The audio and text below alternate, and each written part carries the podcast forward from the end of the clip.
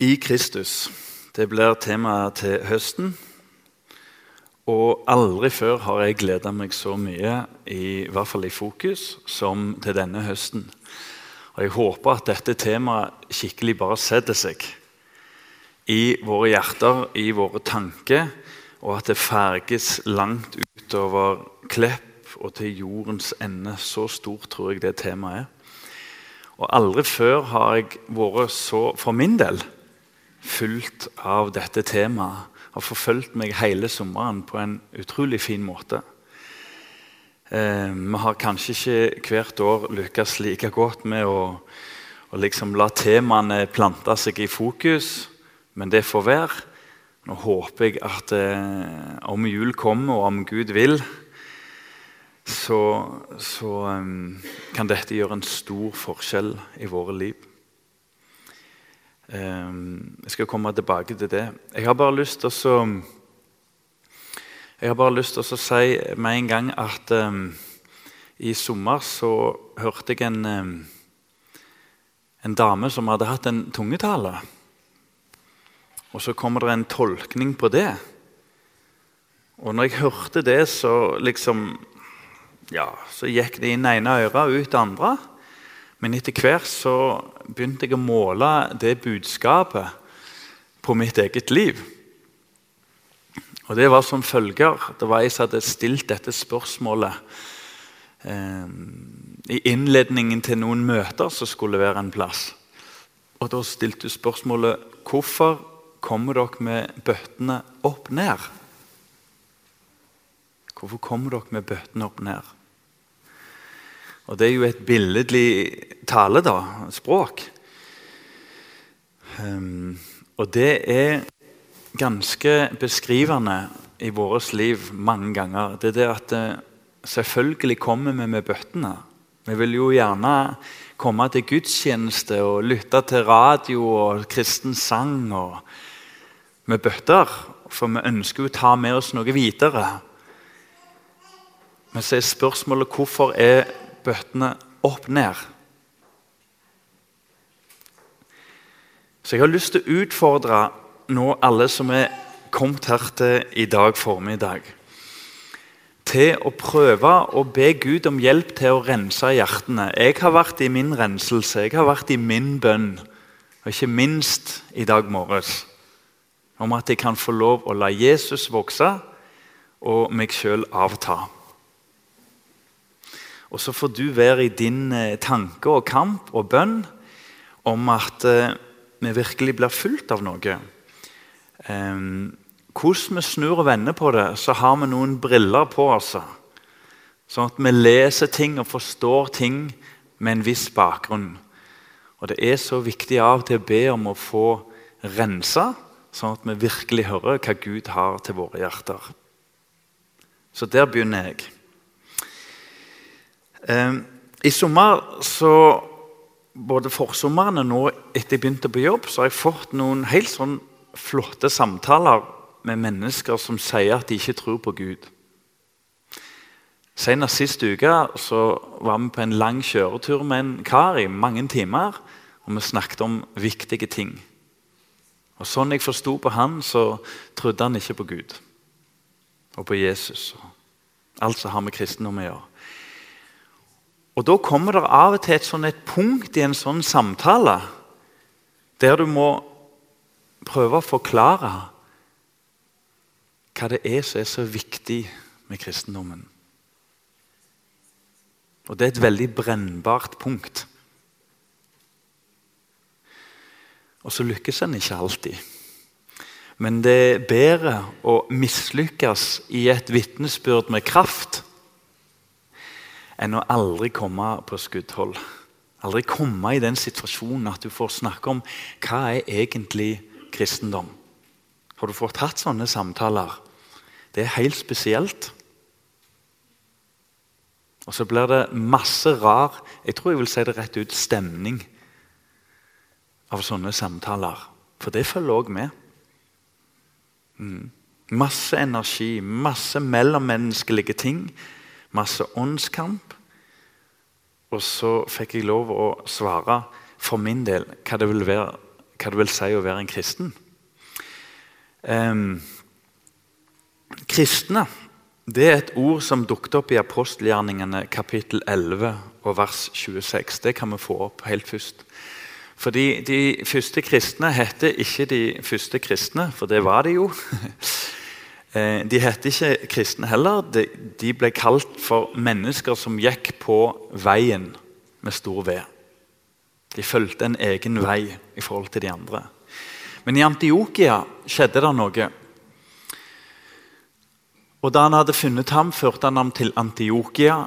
Et helt år var de, Barnabas og Paulus, i menigheten der og lærte en stor skare. Det var i Antiokia at disiplene først ble kalt kristne. Så det var et navn de fikk etter hvert i den første urtida for de kristne. Det var ikke et hedersord, hvis du tror det, for alle. Og Har du merka det sjøl? Å si og ta ordet 'kristen' i sin munn kan av og til være fullt av mye kamp og en liten porsjon flauhet. Sånn har det vært alltid. Ordet 'kristen' har ikke alltid vært et hedersord. Det var faktisk de andre som ga de kristne navnet 'de kristne'. Det var ikke et navn de ga seg sjøl. Og de andre var blant annet Herodes. Eh, noen kjennetegn på de første kristne i Antiokia var bl.a. at Herodes starta en forferdelig forfølgelse. De hadde jo nettopp steina eh, Stefanus. Og da var det de som gikk på veien. Og så seinere så, så eh, starta altså Herodes på hans befaling en voldsom etterfølgelse av de kristne. Så det kjennetegnet de. Så det som skjer nå rundt forbi i verden, er ikke noe nytt. Det vanlige for en kristen er å bli forfulgt. Vi lever i en helt utrolig situasjon i Norge. En situasjon som vi kan begynne å spørre er den bra for oss. Ok, Et annet kjennetegn var at de kristne delte mat. Det var noen her i denne situasjonen som hadde profetert eller forutsett at det skulle komme en hungersnød. Og det gjorde det. Og de kristne de samla på forhånd inn mat og delte ut til andre byer på en måte som var helt ukjent i sin samtid. ikke det flott når de kristne ikke bare får et navn på de en skal ta livet av, men samtidig får et navn på de som deler mat? Da begynner kristendommen å materialisere seg på en fin måte. Et annet kjennetegn var at det var store vekkelser. Mange ble kristne. Det var sånn at Der de kom, tok alltid noen eller mange imot troa. Så å være kristen, det er å være sammen i en vekkelse. Meg og Vigdis har vært i Pokort i Kenya. Sånn Du lurer på om, om, om det du hørte og så, var en drøm. Liksom I løpet av 40 år så er hele store geografiske områder totalt forvandla av navnet Jesus. Går det an? Og så får jeg vondt av mennesker som ikke kjenner behovet for å være med på en sånn misjon. I hvert fall når det går litt rått i Norge. Så altså de kristne, det er de som tilhørte Jesus Kristus, selvfølgelig. Jeg har litt lyst til at vi skal bli kjent med en person som ble kristen. Og han personen, bare for liksom å høre litt om, om, om bibelkunnskapen her Han personen han kan du lese om befant seg i ei gate som heter Den rette gaten. Ikke den rette gata, men den gata som var rette. Selvfølgelig. Der skjedde det noe utrolig viktig med denne personen. Kommer du på hvem det var? Han som heter Saulus først. I apostelgjerningene kapittel 7 og vers 58 så kan du lese om den Saulus. Det var før han var kommet til denne gata. De rev ham ut av byen, og dette er Stefanus, og steinet ham. Vitnen la klærne av seg ved føttene til en ung mann som heter Saulus. Dette er historien om han som ble kristen. Og Så kan vi òg få opp eh, vers 8, eh, kapittel 8, vers 1. Og Der står det litt om Saulus, hvor han var hen i, i forbindelse med de første kristne. Og Saulus samtykte i mordet på ham. Samme dag eh, brøt det løs en stor forfølgelse mot menigheten i Jerusalem, og alle unntatt apostlene ble spredt utover bygdene i Judea og Samaria.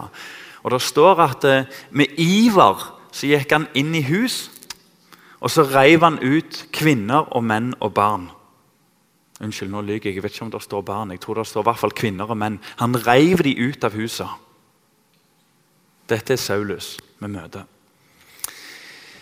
Det står at han var rasende på disse her nye kristne.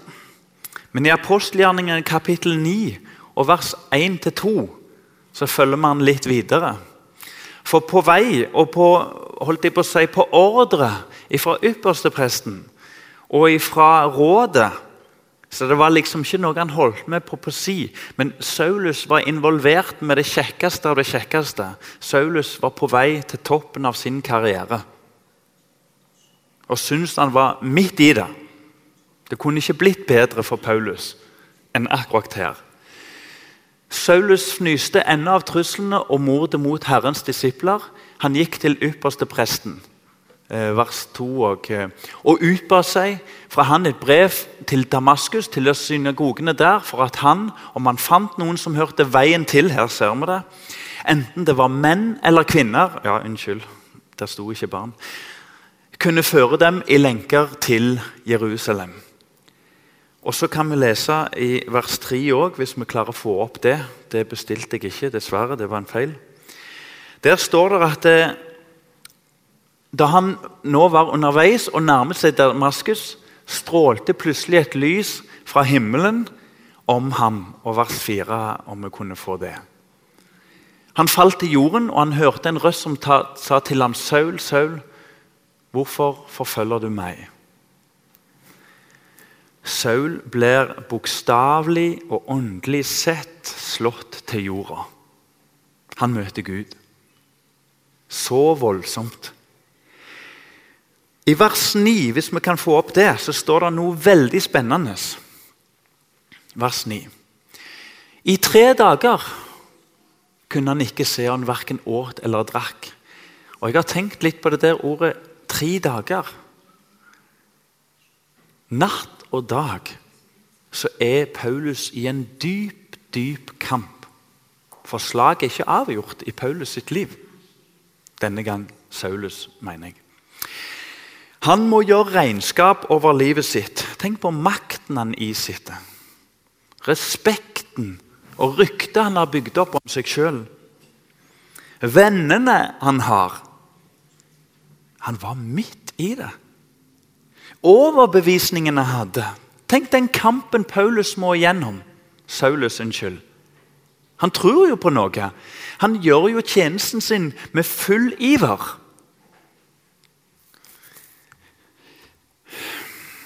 For ikke snakke om det å bestemme over et eget liv. Tanken om at en annen skal være konge i hans liv. Fullstendig konge. At han skal gi aldeles vrak og avslag på sin egen vilje. Vårt Gud ga han tre dager og ikke tre minutter.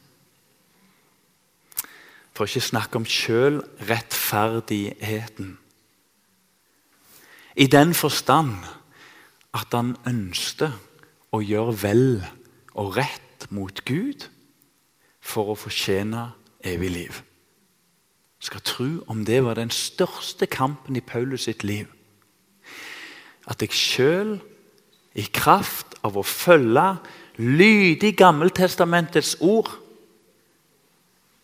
så skal jeg fortjene det evige liv. Alt måtte bort. Ok, vi kan gjerne kalle det for et oppgjør med religiøsiteten. For alt dette avkledde Gud ved Den hellige ånd når han ble slått til jorda som ren og skjær religiøsitet. Det han trodde var liv. Så tre dager etterpå gjør han opp regning, og så lar han seg døpe. Da er det jo en Ananias som kommer til han og vitner for han om at jeg er sendt av Gud. Motvillig gjorde han det jo, han var jo livredd. Jeg er sendt av Gud, og så ber han fram budskapet sitt om fred. Og Så lar han seg døpe, og så blir han kristen. Og Da skal du legge merke til noe utrolig spennende. I Filipperne kapittel 3 og vers 7-8 så sier Paulus egentlig hva som har skjedd i hans liv. Filipperne 3 og vers 7 til vers 8. Men det som var en vinning for meg, det har jeg for Kristi skyld aktet som tap. Alt er nytt. Det står i en annen oversettelse 'skrap', og jeg syns det er mest et bedre ord. Skrap. Verdiløst. Et møte med Jesus og en ekte og sann dåp, både i ånd og i kjød, er en dåp til Kristus. Og da blir alt annet vrak.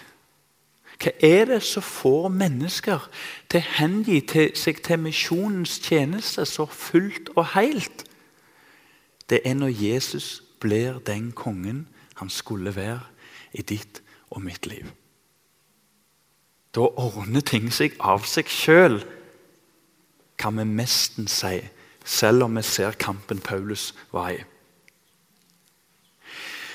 Vi kan vel egentlig si det sånn at for Paulus en del så forandra ting seg fra at han sto og varmte seg på religiøsitetens bål, synagogen, eh, skriftslesningen, bønnene lydigheten. Alt som han sto og varmte seg på. Men fortsatt var kald. Var en flamme som tok bolig i hans innerste liv. Fra innsida av og ut. Og så ble det en flamme i livet framfor utenfor livet. En radikal forandring. Og Når jeg leser om Paulus, så stiller jeg meg det spørsmålet Aslak, står du òg og varmer deg på religiøsitetens bål? Eller har Jesus den flammende plassen han skal ha i mitt og ditt liv? Da blir altså spørsmålet vårt hvordan kunne dette bli sånn for Paulus, som var så overbevist om at han tjente Gud rett og fullt og lydig, til å begynne å vitne om Jesus. Hvordan kunne det skje? Hvis du leser Nå må dere følge med her. Hvis du leser la oss si, fra apostelgjerningene 11 og utover, så kan du se at det ser ikke ut som Paulus regner så mye på det. Det ser ikke ut som Paulus klarer helt sjøl å gjøre rede for hvorfor det var vrak, det som var viktig før, og nå er det bare Jesus som gjelder. For det første han var opptatt med, vet du hva det var? Det var ikke å trekke konklusjoner og liksom også se de store linjene. Det var å si det rett ut. Jesus Kristus har stått opp fra de døde. Jesus Kristus var ingen spotter av Gud. Han var grepen av det som skjedde i nuet. Det var det første han vitna om. Seinere i livet så begynner han å trekke noen linjer der òg Paulus, som sier det rett ut, at han så stykkevis og delt. Ja, Nå skal vi huske at Paulus var en apostel. Det står jo det helt i innledningen til, til Feserbrevene. Paulus etter Guds vilje, Kristi Jesu apostel. Og hvorfor er Paulus apostel? Fordi han har møtt Jesus. Det er ikke apostler i hytt og piver, kjære venn. Kravet for å være en sann apostel er at de møtte Jesus sjøl. Og hvor møtte Paulus Jesus? Det var Jesus sjøl som ropte direkte til Paulus. 'Saul, Saulus, Saulus, hvorfor forfølger du meg?' Derfor var han en rett apostel. Han hadde sjøl personlig møtt Jesus Kristus. Så Paulus han fikk jo åpenbart mange ting, men han måtte jo innrømme det som sant var. At det kom stykkevis, og det kom delt. Og alt vil han ikke se før han er i himmelen. Hva var det han så stykkevis og delt? Etter hvert så gjør han regnskap opp i et brev som heter Paulus brev til efeserne. Og Det er et litt spennende brev. For det brevet er ikke sånn som kolosserbrevet og romerbrevet, som er veldig direkte retta. Efeserbrevet er skrevet ganske så generelt. Han tar ikke opp sånn veldig mange personer og veldig mange detaljer. liksom Husk på den, og si hei til den, og hils til de. I det og det brede. Det virker ut som Efeserbrevet er et ekstra universelt brev. Det er jo selvfølgelig alle brev i Bibelen. Men ekstra ekstra på Efeserbrevet. Så det er altså nærmest som et målretta brev til Klepp. Hva er det der står i Efeserbrevet? Der trekker Paulus linjene til noe som heter 'i Kristus'. Og Vet du hva jeg undrer meg over? At når jeg snakker med mennesker om begrepet 'i Kristus', så rynker en ikke på øynene engang. Med øyenbrynene, heter det vel. Sorry. Det er ingen reaksjon. En har faktisk ikke hørt begrepet 'i Kristus' da er du en fattig kristen. I beste fall en litt uopplyst kristen. Og Nå er det litt farlig, fordi at Aslak Tveita er ganske uopplyst, han òg. Det har dere, dere som kjenner meg, vet det. Så legg det litt vekk. Men jeg har lyst til å si, hvis du aldri har hørt begrepet 'i Kristus', så er du i beste fall en uopplyst kristen. For det er et kjerneord. Kanskje Paulus sitt viktigste ord i Kristus, i ham, med ham, for ham. Du får ikke noe viktigere i Paulus sin tenkning. og jeg håper du er enig med. Det har vært mange store teologer, men det er ingen som når Paulus. Det er ingen som rydder opp og tenker så klart som Paulus. Og han summerer opp hele kristendommen i at i Kristus fins alle ting. La oss nå se litt på hva Paulus liksom finner ut at kristendom i bunn og grunn er. For jeg tror Paulus òg sitter og undrer seg når han går fra by til by. Han var jo ett år i Antiokia. Det er mange øyeblikk der Paulus får være rolig. Og så tenker han, hva, så, så ungdommer sier i dag Hva er det det går i? Hva er det egentlig det går i? Hva er det som gjør dette her? Hvorfor holder jeg på med dette? her? Hvorfor gir vi ikke opp? Mist ikke motet, står der. Og på hvilket grunnlag? La oss se på Efeserbrevet, kapittel 1 og kapittel 2. Jeg har lyst til å oppfordre dere til å gå hjem og lese Efeserne 1 og 2 mange, mange ganger. Så tror jeg du skal oppdage noe som er forskjell på liv og død. Rotete, rotløs kristendom og rotfesta kristendom. Hvis vi ser først på kapittel 1 og vers 10, hvis vi får opp det først For jeg vil begynne bitte litt lenger ned. Hvis vi får opp vers 10 skal vi se 1, 7-12. Eh, både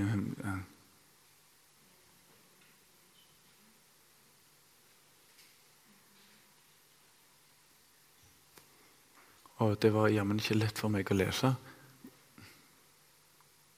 Ja, der har vi oh, Skumma gjennom alt det. Der ser du noe ganske heftig i Paulus' tenkning. Før vi leser det, så har jeg lyst til å utfordre dere på en tanke. Ikke det litt spennende å se på historien? Hvordan mennesker og forskere og verdensbildet har forandra seg. Fra den tid nærmest liksom ting skal ses via Gud, og så skal du forstås alt derifra, til at du på ingen vis skal blande kristen tro opp i noen som helst form for forskning. Og så rives verden fram og tilbake i disse bølgene. Hvor er Kristus oppi dette? Nå skal vi være forsiktige med å gå ut i 110, for det er nok trødd feil både her og der opp gjennom historien. Men Paulus han var ikke dum, for å si det sånn. Han tenker som følger om en husholdning i tidens fylde. Hør, å samle alt til ett i Kristus. Både det som er i himmelen, og det som er på jorda. Det Paulus egentlig sier Du forstår i bunn og grunn ingenting her på jord om ikke du forstår absolutt alt i Kristus. Bang! Inn i en kritisk, empirisk forskning. Det går jo av ei bombe her. Ja, men vi må ikke blande. Nei, vi skal ikke blande. Vi skal være forsiktige. Men vi skal òg være frimodige i at det naturlige for en kristen er i bunn og grunn å tenke alt ifra Jesus Kristus. Alt du ser, handler i bunn og grunn om Han. Det ei bombe. Ikke i Norge. For den går av, og det skjer ingenting. Men det er bomba inn i mange kristnes tankers liv.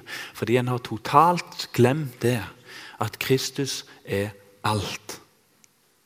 Paulus har fått ting litt på avstand. Han betrakter det. Og så er ikke bare Jesus en som sto opp, men han er i bunn og grunn alt. Ja, det er en farlig tanke, og det er en viktig tanke. Og det er en nødvendig tanke. Alt på en gang. Jeg lærte når jeg gikk på Tananger bedehus fra forkynnerne. Og Da endra de stemmen sin, og, da de, og så sa de om jeg kunne få være litt personlige. sa de. Du har sikkert hørt det. Om jeg kunne få være litt personlige i kveld. Og Det som ofte kom fram i Tananger bedehus, var alt har du i Kristus. Alt har du i Kristus. Alt som er Kristus nei, Unnskyld. Alt som Kristus har, blir ditt. Og alt som er ditt, kan du kaste på Kristus. Ser du den sirkelen der? Alt Jesus har, blir ditt. Alt du har, kan du kaste på Jesus. ikke det er en evangelisk sirkel? og minne hverandre på her nå. For i bunn og grunn har vi ingenting å bringe Gud, og det du har, det kan du kaste på Jesus. Eh, la oss gå litt videre. Efeserne kapittel 2 vers 10. Da hopper vi enda litt lenger ned. Efeserne 2 og vers 10. Stakkar han som kom på datteren i dag. Audun. Efeserne 2,10. For vi er Hans verk. Skapt i Kristus Jesus til gode gjerninger, som Gud forut har lagt ferdige for at vi skulle vandre i dem. Først så, så vi litt på det at Gud er alt. I Kristus må det forstås. Så strammer det seg bitte, bitte lite grann til. Din eksistensgrunnlag er mer enn i kjærlighet. Den er målbar i Kristus. Uten Jesus hadde du ikke eksistert. Så når du går på gata og treffer et hvilken som helst menneske, sitter og ser på en fotballkamp, 55 000 rundt der, så kan du vite at alle og enhver har sin opprinnelse i Jesus Kristus. Naturligvis, for vi skjønner jo litt grammatikk, så står det egentlig her at det er de gode gjerningene som vokser fram i kraft av Jesus Kristus fra evighet av. Men vi er skapt i Jesus Kristus. Liv får vi i Den hellige ånd, men ditt livsgrunnlag skyldes Jesus Kristus. Ellers hadde du ikke eksistert. Det er jo rystende å tenke på det. Så går vi videre, Hvis vi går til kapittel 1 vers 4 Nå skal vi ikke hoppe så mye. Så forstår vi at mennesket er ikke bare skapt. Vi har gjerne hørt på søndagsskolen at vi ble skapt, men vi ble tapt. En fin rytme som beskriver realiteten i menneskets liv. Du er skapt i Kristus, og du ble mista fra Kristus i syndefallet.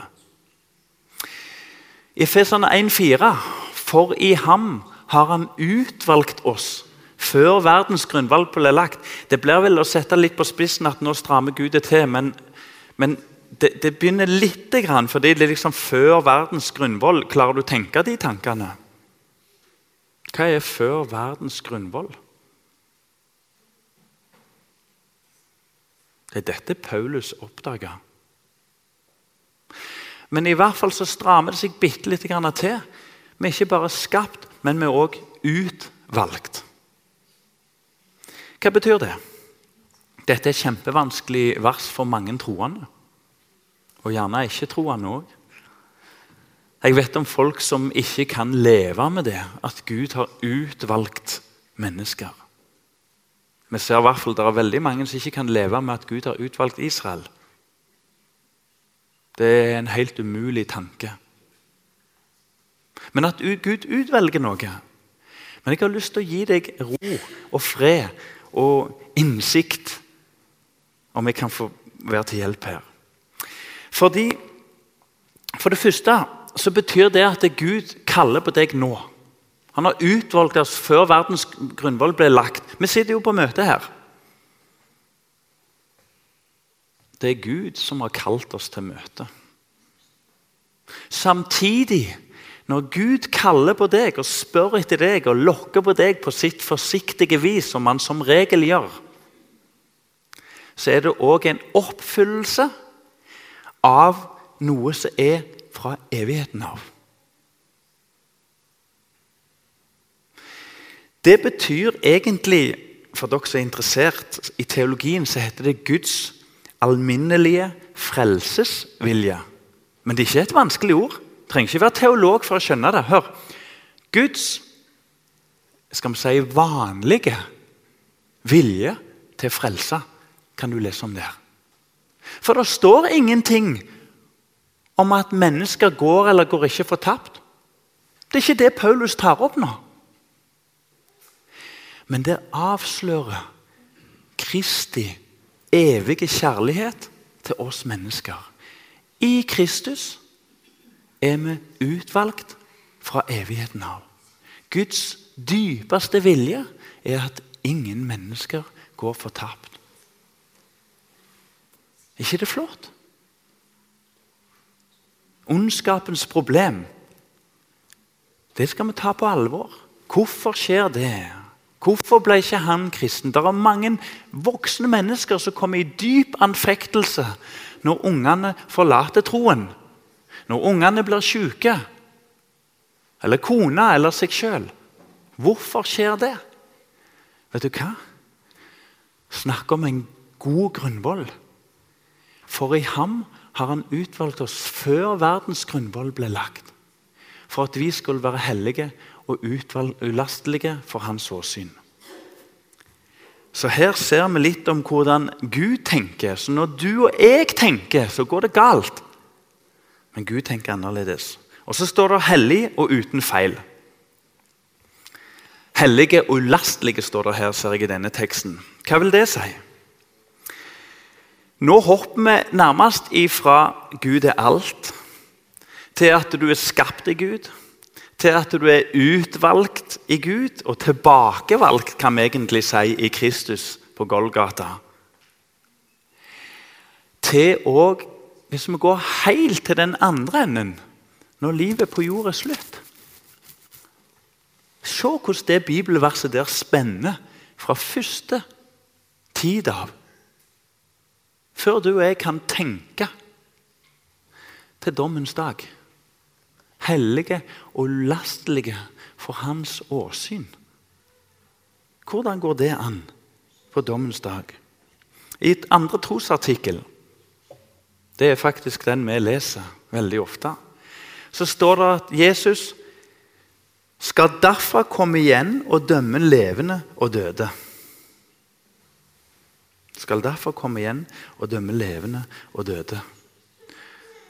Det var jo det vi fikk illustrert her, når en blir omslutta av Kristus. For verden hykleri. For den som får det åpenbart, en visdom til frelse. I Efeserbrevet så står det om at vi skal bli fulgt av visdom. Hvilken visdom er det? Er det at de kristne blir så grassat kloke, mens de andre er dumme og skjønner ingenting? Mens vi bare skyter fart i undervisningsrommet? Nei, det er ikke den visdommen. Det er visdommen om hvem Jesus Kristus er, og hva han gjorde og hva plan Gud hadde fra evighet av. En hemmelighet for de som går fortapt. For den som tar imot Jesus, så betyr det at på dommens dag så i bunn og grunn er det ingen dom. Fordi en er allerede frikjent.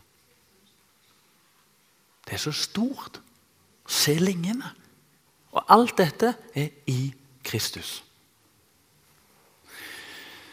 Hellig uten feil. Hvis du er interessert, så kan du lese i Romane kapittel 3, og vers 23-27. Jeg noterer det for dere. Romane 3, vers 3, eh, 23-27. Eh, Der kan du lese om hvordan Gud kan frikjenne noen og dømme noen, for det er jo bare helt rart.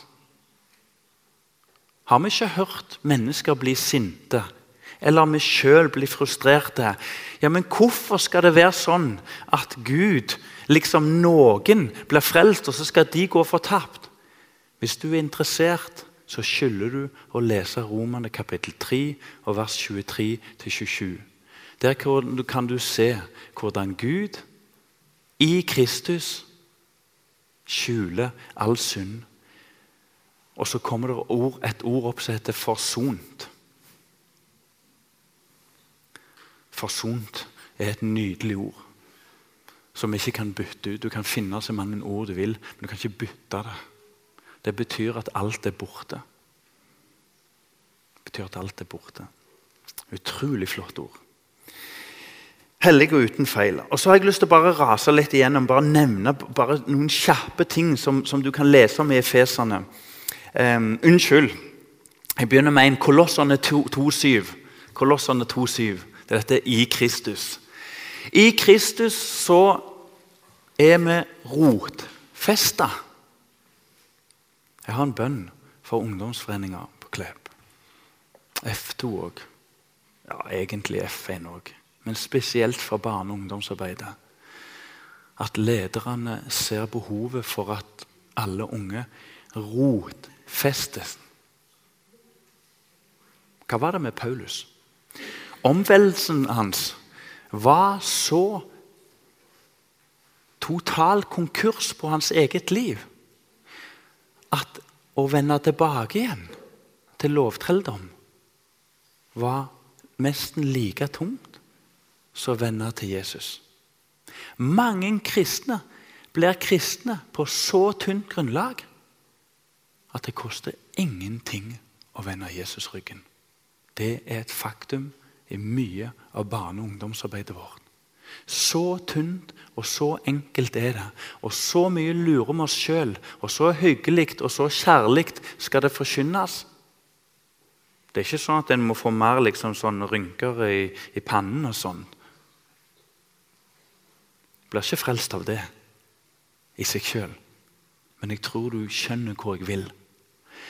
Omvendelsen er så grunn at i bunn og grunn så kan en like greit falle fra.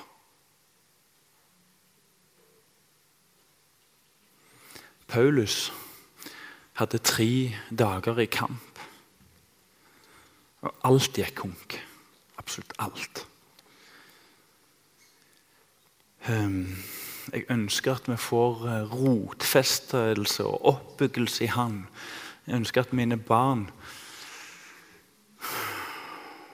får satt seg og plassert seg midt i Kristus. Ikke bare en smak og en touch og et på si. Ok, jeg tror du er med meg i den bønnen. La oss gå tilbake til Efeser 1, stakkar Audun, vers 7. Efeserne 1, vers 7. Så kan du lese om noen finfine greier, og det er jo friheten vi har i Kristus.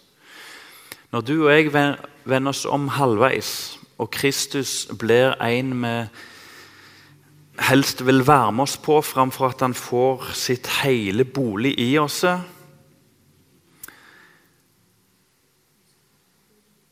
Så blir det en ulykkelig kristendom.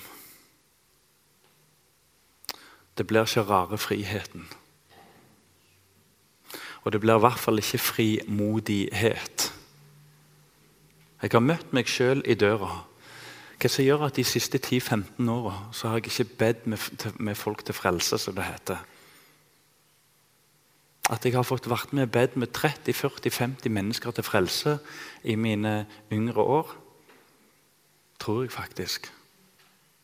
Men de ti siste 15 åra har ikke det skjedd? En dyp, dyp smerte. Og Jeg lurer meg på om litt av løsningen kan være det at Jesus blir ikke friheten i mitt liv. Og når Jesus ikke får bli min fulle frihet I Han har vi forløsning med hans blod, syndenes forlatelse og beklager, jeg har satt opp feil. Eh, kanskje det er kapittel 2, 7. Jeg beklager, nå roter jeg. Men det er denne friheten i Kristus som gjør at det leder til frimodighet. Og så blir jeg først og fremst redd for at ingen skal bli såra, støtt eller lei seg i mitt vitnesbyrd. Ok. Håp i Kristus, vers 12. Det må jo være Det være kapittel 1, vers 12. Stakkar deg. Håp til Kristus for at vi skulle være til pris for hans herlighet, for som, vi som forut hadde håpet på Kristus. Det er når det er en sånn en hengivenhet mot noe, at alt du gjør, går i retning av Kristus. Fordi det er der du har håpet. Det er der ting er rotfesta. Så alt du drømmer om de neste, neste fem åra, er preget av at du håper egentlig på Han. Alt andre er ganske uvesentlig. Vers 13 så står det et kjerneord. Jeg skal prøve nå å runde av dette her. altså. I ham har også dere, da dere hører sannhetens ord, evangeliet om dere frelse, ja, i ham har også dere, da dere kom til troen, fått innseil Den hellige ånd, som var lovt. Hva er det som skjer her? Her kan du lese om inspirasjon til frelse. Jeg lærte i min barndom og oppvekst at du kan ville så mye du vil, men uten å se på korset, uten å la seg forkynne om hans soningsoffer, så blir alt lovtrelldom. Jeg undrer meg over mennesker på Klepp som sier ja, jeg tror på Jesus, for jeg har tatt mot til meg og spør gode venner tror du på Jesus. Så får jeg ofte et forsiktig nja.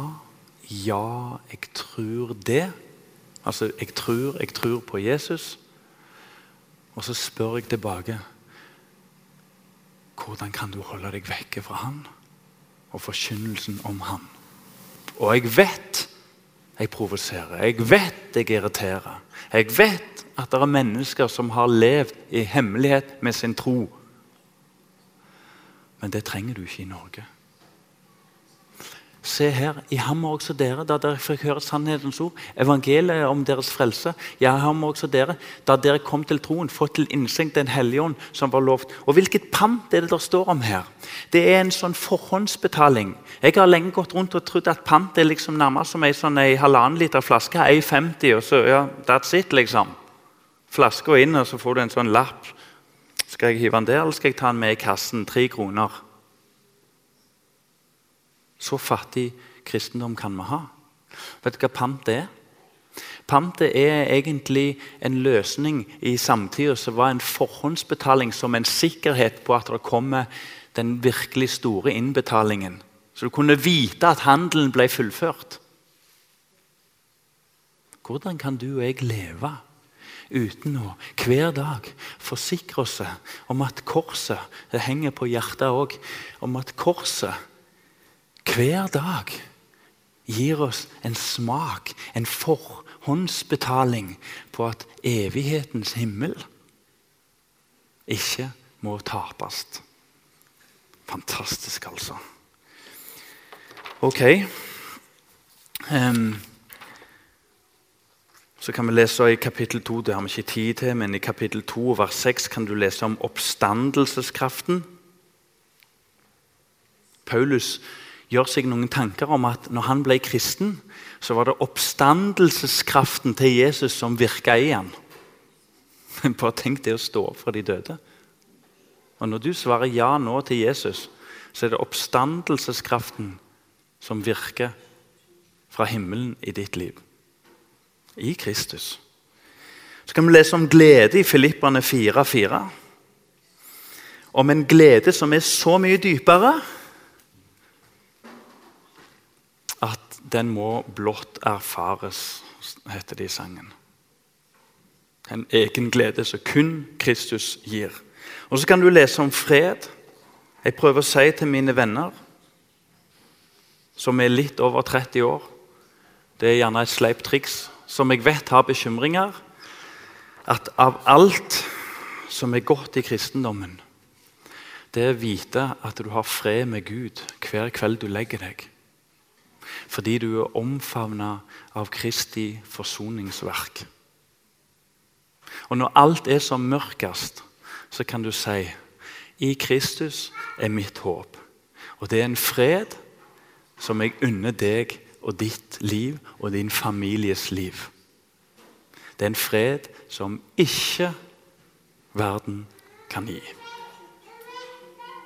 I Kristus. Og Så får vi se utover høsten om ikke det kommer flere og mer, mer eh, bestemte tema om i Kristus.